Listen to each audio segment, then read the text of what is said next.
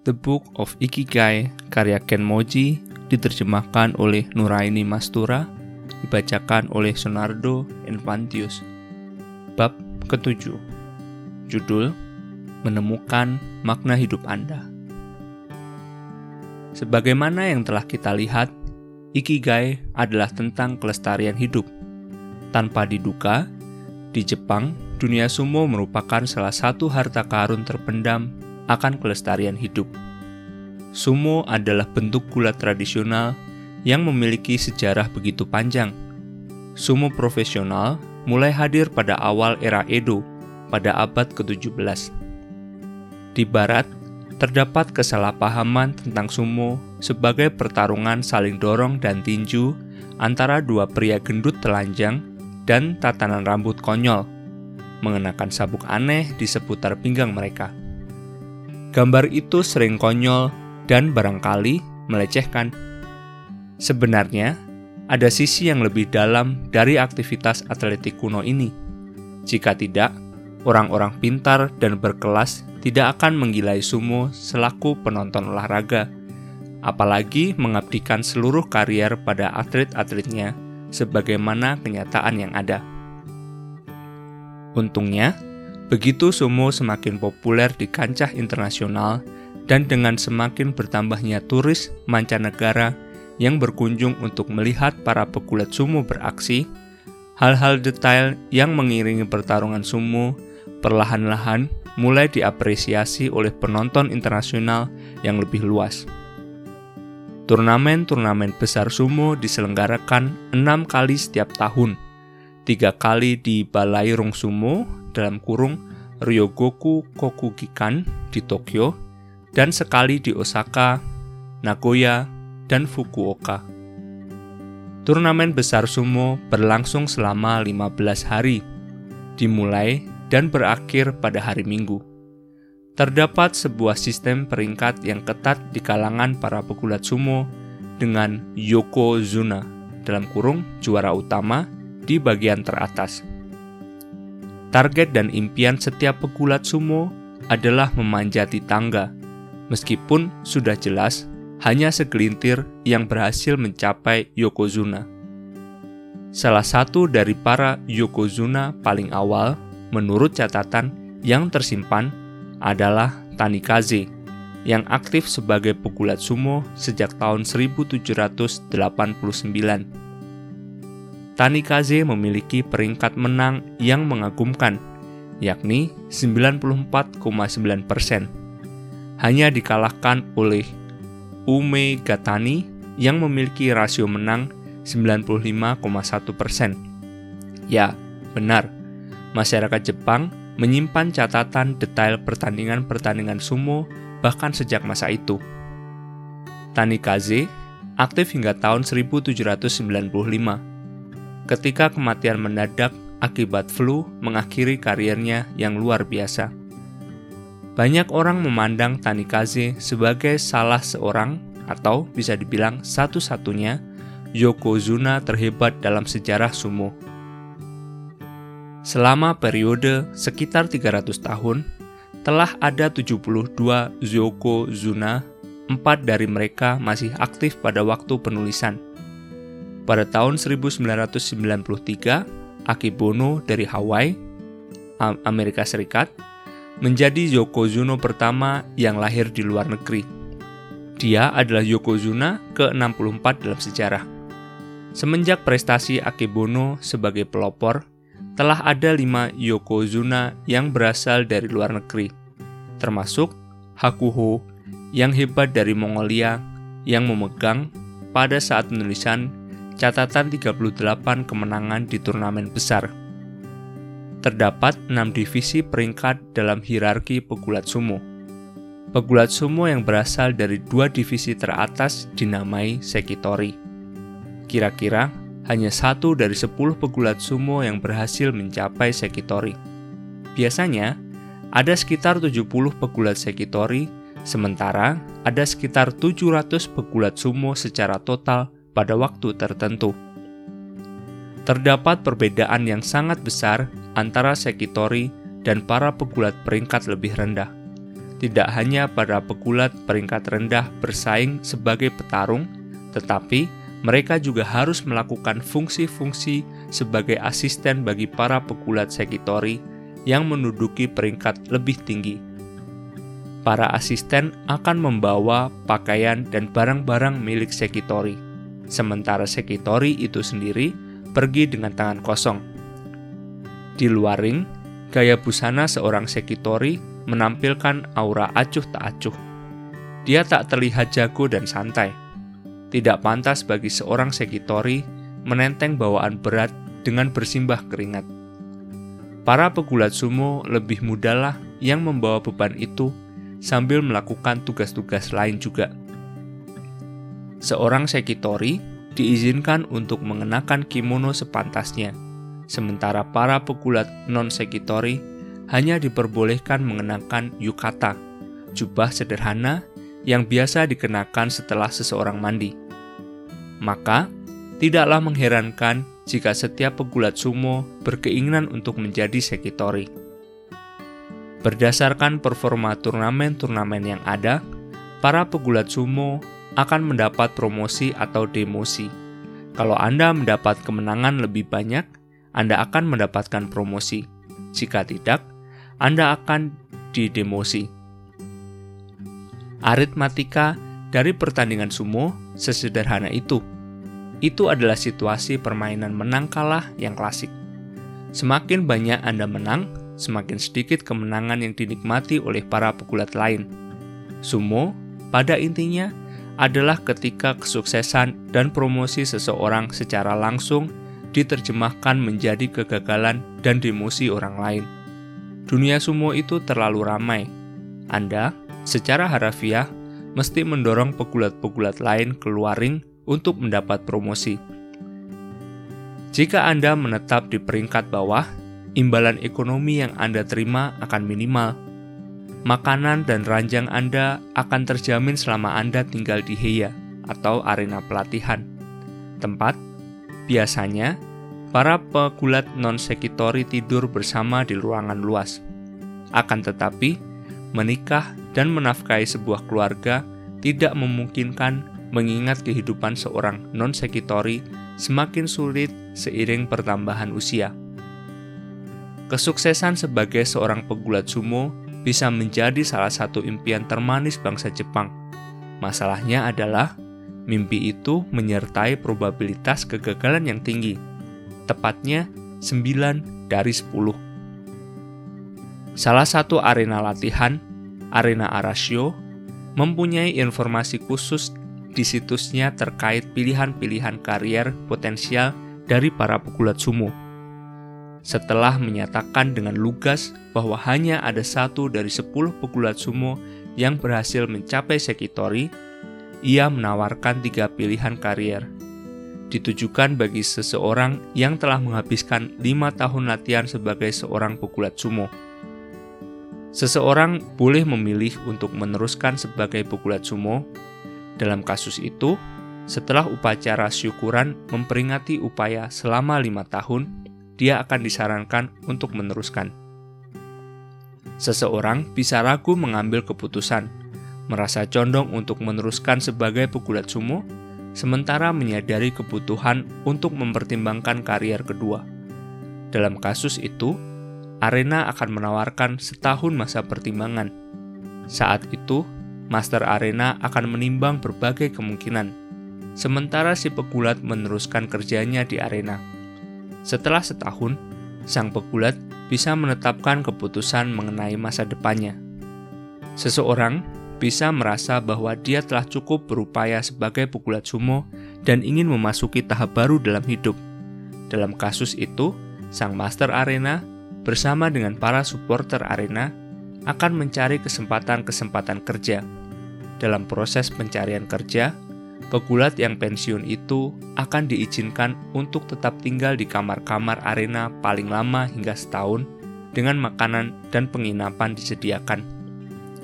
Situs itu kemudian dengan bangga menyatakan, bila Anda pertimbangkan upaya berat yang harus dikerahkan seseorang untuk menetap di arena sumo, pegulat pensiun sudah tentu akan memiliki karakter dan sumber daya yang cocok untuk memulai sebuah karier kedua yang sukses.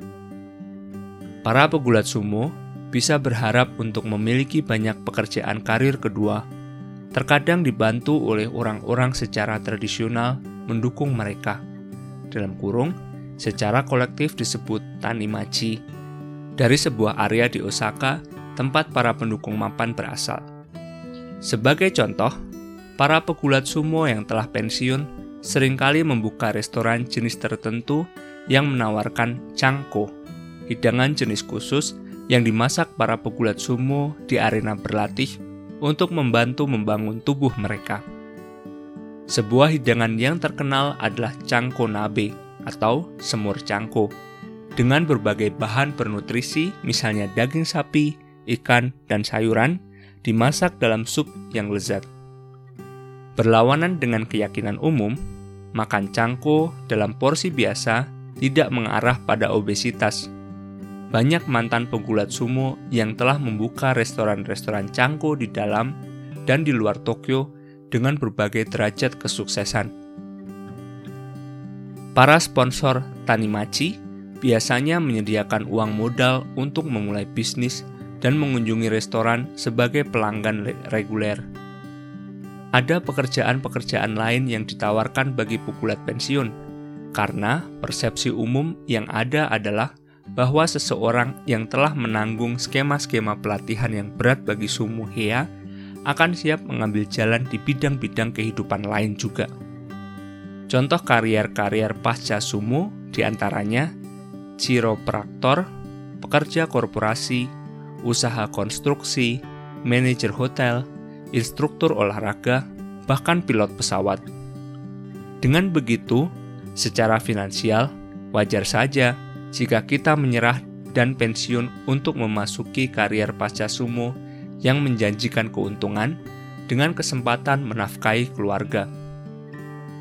Akan tetapi, banyak pegulat sumo yang tidak berhasil mencapai sekitori tetap melanjutkan karier mereka meskipun itu berarti hidup dengan upah minimum dan harus menjalankan banyak tugas berat sebagai asisten.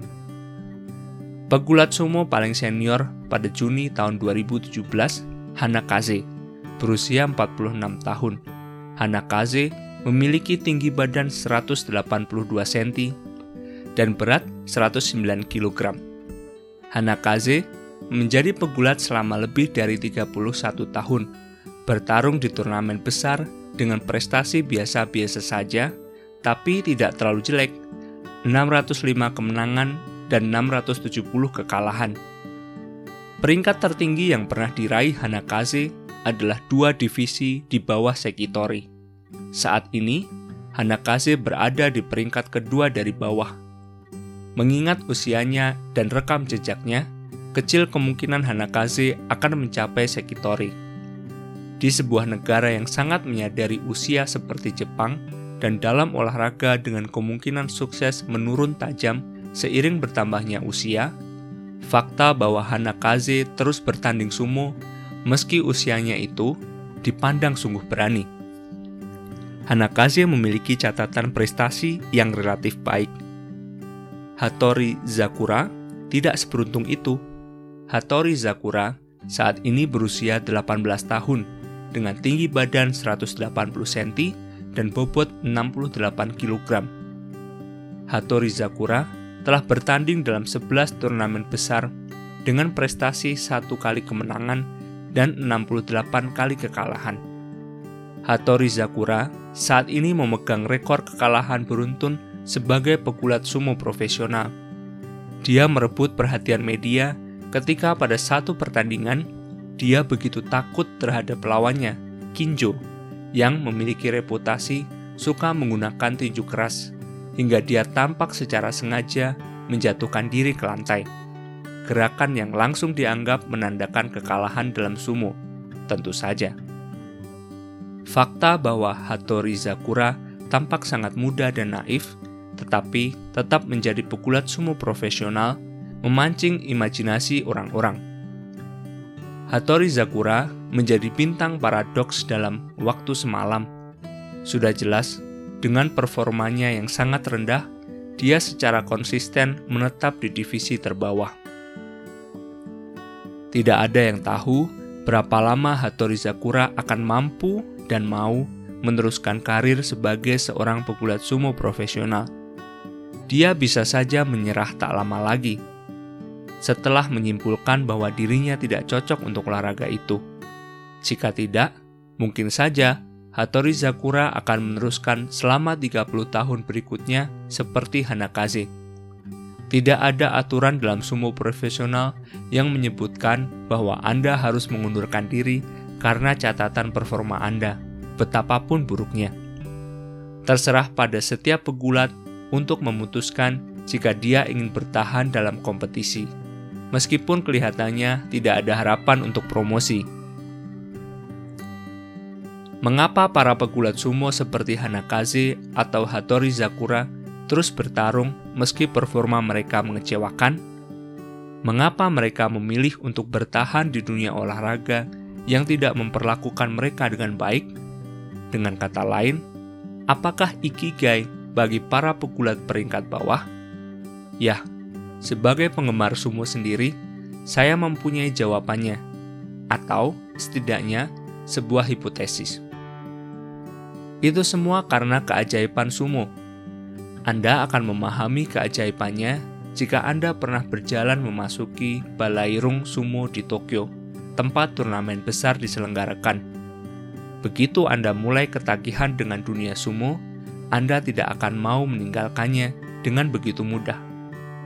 Secara psikologis, masuk di akal untuk membuat pengorbanan-pengorbanan pribadi kecil demi bertahan di dalam kerajaan menakjubkan itu. Di satu sisi, sumo merupakan olahraga kontak tubuh penuh yang serius. Anda harus melatih diri hingga batas ekstrem.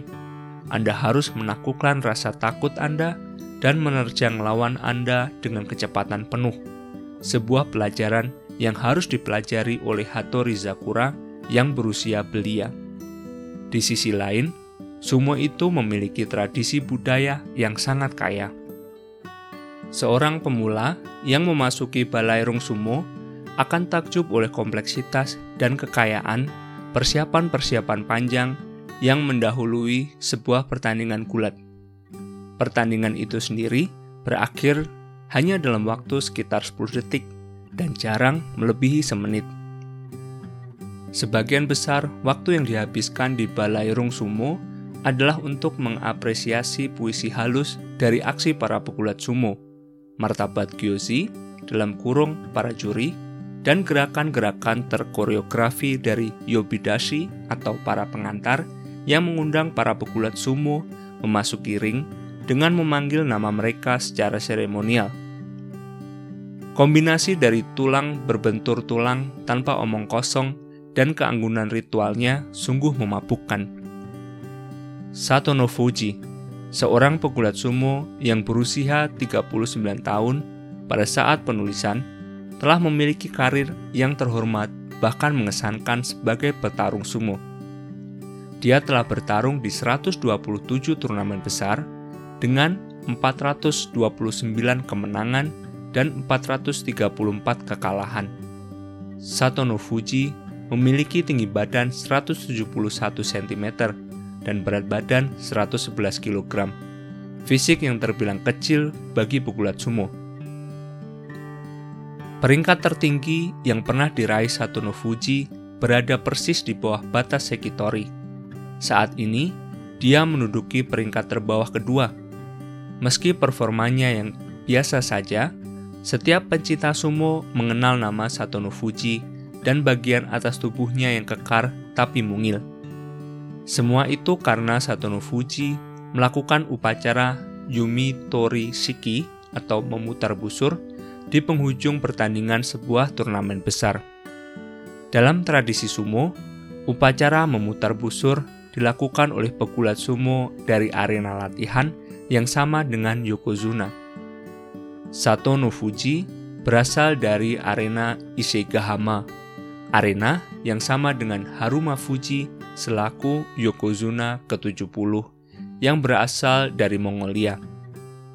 Setelah pemenang pertandingan final, biasanya melibatkan seorang yokozuna, diumumkan, para penonton diminta untuk tetap di kursi mereka untuk menyaksikan upacara pemutaran busur. Satono Fuji memegang dan memutar busur dengan panjang sekitar 2 meter dengan kecepatan dan presisi yang mencengangkan. Diiringi tepuk tangan meriah penonton. Akhirnya, selagi Satono Fuji membungkuk dan meninggalkan arena, aktivitas di Balai Rung Sumo hari itu pun berakhir. Menyaksikan Satono Fuji melakukan upacara pemutaran busur, Anda akan menyadari bahwa barangkali itulah ikigai terhebatnya. Ada sebuah kepercayaan nasib sial pada sumo bahwa seorang pegulat yang melaksanakan pemutaran busur tidak akan bisa mencapai sekitori. Sebuah kutukan yang hanya dipatahkan oleh segelintir pegulat sumo sejauh ini.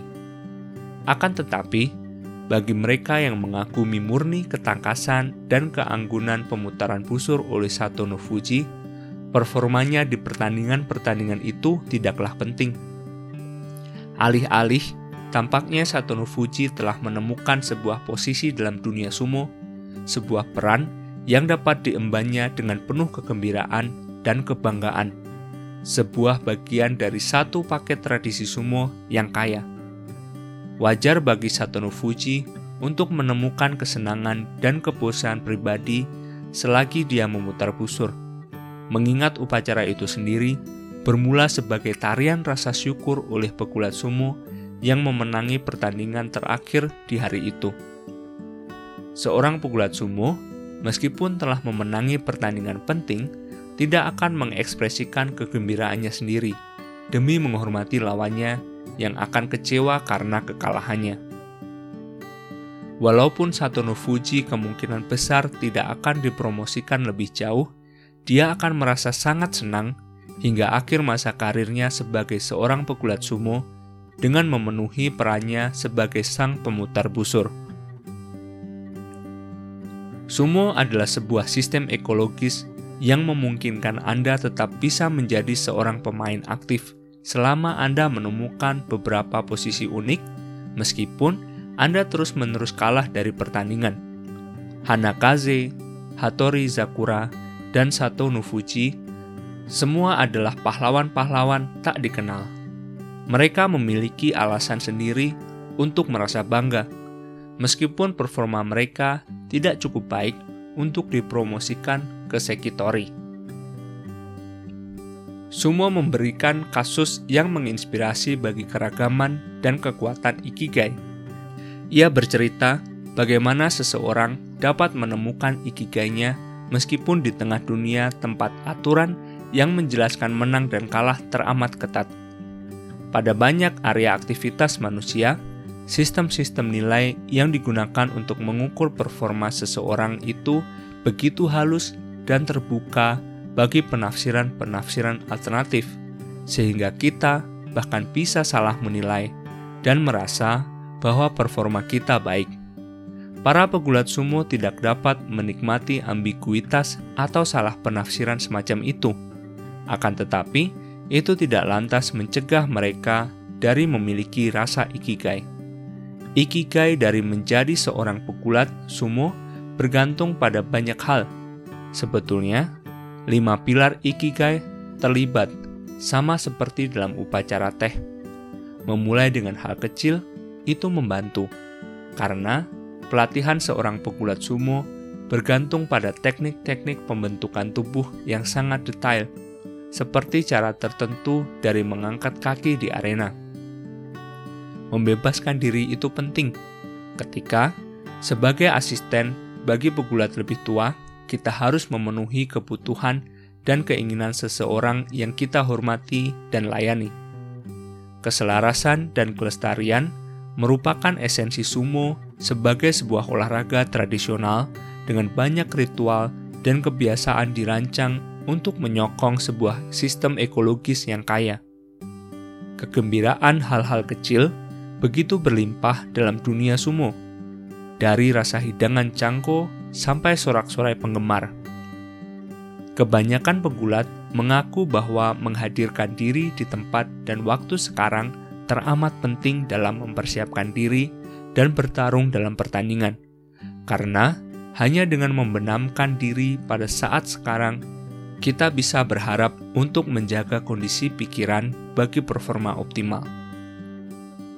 Pilar-pilar ikigai yang saling berhubungan ini mendukung seorang pegulat sumo jika dia tidak begitu sukses, atau bahkan jika dia sama sekali tidak sukses dalam bertarung di pertandingan-pertandingannya. Ikigai dalam dunia sumo itu sangat demokratis, meskipun jika olahraganya sendiri memiliki persaingan yang sangat keras dan tak kenal ampun. Saya tidak mengklaim dalam hal ini bahwa sumo itu unik dalam penentuan ikigai yang demokratis bagi semua. Struktur ikigai demokratis yang serupa itu juga dapat ditemukan, misalnya di dunia balet klasik. Sebagai pembawa acara di program radio, saya pernah berkesempatan mewawancarai Manuel Legris, penari balet Prancis yang merupakan étoile atau penari utama di Paris Opera Ballet selama 23 tahun.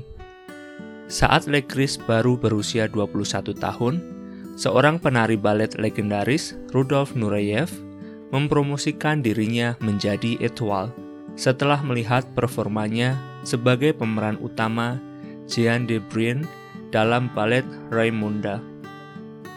Setelahnya, Legris memainkan berbagai peran di kota-kota semacam Paris, Stuttgart, Wiener, New York, dan Tokyo. Dia kini menjabat sebagai penata artistik di Vienna State Ballet. Saat wawancara, Legris membahas peran Corps de Ballet para penari yang menari sebagai suatu kelompok dalam pertunjukan balet. Para penari dengan kemampuan hebat teramat sulit untuk terpilih dalam Corps de Ballet di perusahaan-perusahaan balet terkemuka semacam Paris Opera Ballet, belum lagi untuk mencapai peringkat penari utama. Legris berkata, dengan keyakinan penuh bahwa peran Corps de Ballet itu sangat penting karena ia membentuk bagian integral dari sebuah tontonan di panggung. Kenyataannya, para penari di barisan belakang memiliki peran terpenting dengan tuntutan besar pada kemahiran mereka. Legris kemudian menambahkan bahwa setiap penari utama biasanya bersimpati pada para anggota Korps di Bali, mengingat dia tentu pernah menjadi anggotanya pada tahap tertentu dari perjalanan karirnya. Peran yang dimainkan para penari di Korps di Bali bisa jadi penting secara artistik, tapi mereka tidak selalu mendapatkan imbalan yang sepantasnya. Sebuah artikel New York Times tahun 2011 melaporkan bahwa Geoffrey Ballet dan Boston Ballet yang berpusat di Chicago membayar para penari mereka dengan gaji rata-rata 829 dolar dan 1204 per minggu, masing-masing selama 39 minggu. Huston Ballet membayar para penarinya dengan gaji 1036 dolar per minggu selama 44 minggu. Upah ini, meskipun cukup layak, tidak bisa dibandingkan dengan imbalan yang diterima para penari utama. Dengan begitu, dari segi upah, kemungkinan terdapat struktur karir dan tantangan-tantangan yang sama di dunia para penari balet dengan pegulat sumo. Sebagaimana yang sering terjadi dalam hidup, kita harus menerima apa yang kita miliki, kemudian berusaha memanfaatkannya dengan sebaik mungkin. Secara biologis, menemukan ikigai di sebuah lingkungan atau bahkan di lingkungan mana pun bisa dipandang sebagai sebuah bentuk adaptasi terutama dalam konteks kesehatan mental. Dalam lingkungan mana pun, pada dasarnya memungkinkan untuk memiliki ikigai, alasan bagi hidup. Tak peduli bagaimanapun performa seseorang itu. Bukan hanya para pemenang yang memiliki ikigai, yang menang dan yang kalah bisa sama-sama memiliki ikigai dalam sebuah kehidupan yang bagaikan tarian yang terkoordinasi begitu baik. Dilihat dari perspektif dalam sebuah ikigai, batas antara yang menang dan kalah perlahan-lahan mencair. Pada akhirnya, tidak ada perbedaan antara yang menang dan kalah. Semua ini adalah tentang menjadi manusia. Dalam pikiran kebanyakan orang Jepang, lagu Ikigai dinyanyikan bagi orang-orang yang tidak diunggulkan atau setidaknya bagi orang-orang biasa dari segala bidang kehidupan. Anda tak harus menjadi pemain sandiwara teratas untuk mempunyai ikigai. Sebenarnya, ikigai dapat ditemukan di setiap level hierarki dengan latar yang kompetitif. Ikigai adalah sebuah komoditif universal untuk dibagi-bagikan kepada semua orang yang menginginkannya. Untuk memiliki sebuah ikigai, Anda harus melampaui bias prasangka dan mendengarkan suara batin Anda sendiri tidak berlebihan jika dikatakan bahwa Anda bisa menemukan ikigai Anda meskipun ketika sistem politik di negara asal Anda jauh dari sempurna. Di sebuah negara tertutup seperti Korea Utara, pertunjukan massal merupakan komoditas pokok sehari-hari. Mereka pada mulanya dibentuk di Jerman, kemudian dikembangkan di Jepang sebagai aktivitas gimnastik sekolah. Saat ini, genre itu dipertunjukkan secara rutin dan besar-besaran di Korea Utara dengan kecanggihan tingkat tinggi. Sebuah film dokumenter berjudul A State of Mind tahun 2004, karya sutradara film asal Inggris Daniel Garden, mengikuti pengalaman dua pesenam wanita muda dari Korea Utara dan keluarga mereka pada saat partisipasi pertunjukan massal Pyongyang tahun 2003. Pertunjukan semacam itu telah diselenggarakan di negara itu sejak tahun 1946. Hingga sejumlah 80.000 pesenam tampil di arena yang luas. Melalui upaya yang terkoordinasi, mereka menciptakan sebuah gambaran bergerak terbesar di dunia. Pertunjukan massal adalah sebuah format yang melibatkan pengabdian terorganisasi dari keinginan individu bagi kebutuhan kolektif. Para partisipan berlatih untuk waktu yang lama, minimal selama dua jam per hari, demi menanam mentalitas kelompok. Meskipun pemandangan pertunjukan-pertunjukan massal ini bisa memberikan sebuah kesan kolektivisme tak berdasar, sudah pasti para partisipan pertunjukan massal itu merupakan individu-individu dengan keinginan dan impian tersendiri. Dalam film A State of Mind, salah seorang pesenam muda wanita yang berpartisipasi penuh semangat dalam pertunjukan massal itu menceritakan gairahnya saat dia tampil di hadapan sang jenderal, mendiang Kim Jong-il, putra Kim Il-sung, pendiri Korea Utara, dan ayah Kim Jong-un, pemimpin tertinggi saat ini bagi negara tertutup itu. Kesenangan dan ambisinya cukup personal, sekalipun tertanam dalam konteks sosial negara tersebut. Saat menyaksikan A State of Mind, Anda menyadari bahwa meskipun penampilan dalam pertunjukan massal itu sendiri bisa jadi kolektif dan mekanis, keinginan dan kegembiraan yang dirasakan seorang pemain saat berpartisipasi sangat mendalam dan personal. Itulah paradoks besar dari hubungan antara seorang individu dan masyarakat yang dapat dijelaskan dari perspektif ikigai. Jelas memungkinkan untuk hidup di negara totaliter dan tetap memiliki ikigai. Anda bisa saja memiliki rasa ikigai yang individual, meskipun tinggal di negara yang membatasi kebebasan warganya. Anda bisa menemukan ikigai secara mandiri dalam suatu lingkupan yang mungkin Anda hadapi pada saat tertentu. Manusia memiliki kemampuan untuk menemukan ikigai dalam situasi apa pun, sekalipun dalam dunia-dunia gelap karangan Kafka yang digambarkan dalam The Castle atau The Trial.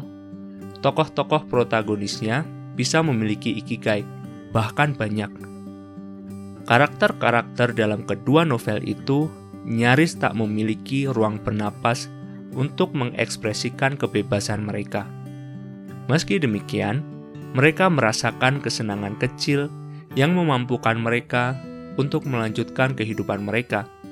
Sebagai contoh, dalam The Castle, karakter utamanya sering kali sukses menemukan pacar, meskipun dia harus berjuang menembus labirin sebuah sistem birokrasi yang menindas. Jika kita terus mengamati bagian seninya, kita akan temukan bahwa kita pun bisa saja menemukan ikigai. Secara ironis, dengan secara sukses menjatuhkan sebuah bom atom yang akan membawa pada kehancuran dunia. Dalam Doctor Strangelove or How I Learned to Stop Worrying and Love the Bomb, sebuah film tahun 1964 yang disutradarai dan ditulis bersama sutradara film Amerika Stanley Kubrick, tokoh Mayor Kong, sang komandan pesawat pengebom B-52, jadi begitu terobsesi mengantarkan bom sampai-sampai dia memasuki medan bom sendiri dan mengutak-atik kabel listriknya. Begitu bom dijatuhkan dengan sukses, Mayor Kong menungganginya seperti seorang koboi menunggangi benteng radio sambil berseru kegirangan, selagi mengakhiri sebuah peradaban manusia. Nah, mari kita kembali ke dunia nyata. Apa yang telah kita pelajari? Bahwa ikigai merupakan adaptasi bagi lingkungan, apa pun sifat lingkungan itu. Dari sumo hingga balet klasik, orang-orang yang menemukan ikigai bisa menemukan kegembiraan di luar nilai menang dan kalah yang sederhana. Memiliki ikigai berkontribusi mewujudkan yang terbaik dari situasi yang dihadapi, yang akan sulit tanpanya meskipun pada kenyataan prosesnya mungkin akan sulit. Anda harus menemukan ikigai Anda dalam hal-hal kecil. Anda harus memulai dari yang sepele. Anda harus menghadirkan diri di tempat dan waktu sekarang yang terpenting, Anda tidak bisa dan tidak boleh menyalahkan lingkungan karena kurangnya ikigai. Lagi pula, semua tergantung pada Anda sendiri untuk menemukan ikigai diri Anda dengan cara Anda sendiri. Dalam hal itu, slogan poster Perang Dunia Kedua yang terkenal keluaran pemerintah Inggris, Keep calm and carry on. Tetap tenang dan lanjutkan bisa jadi merupakan sebuah etos bagi ikigai. Siapa yang akan mengira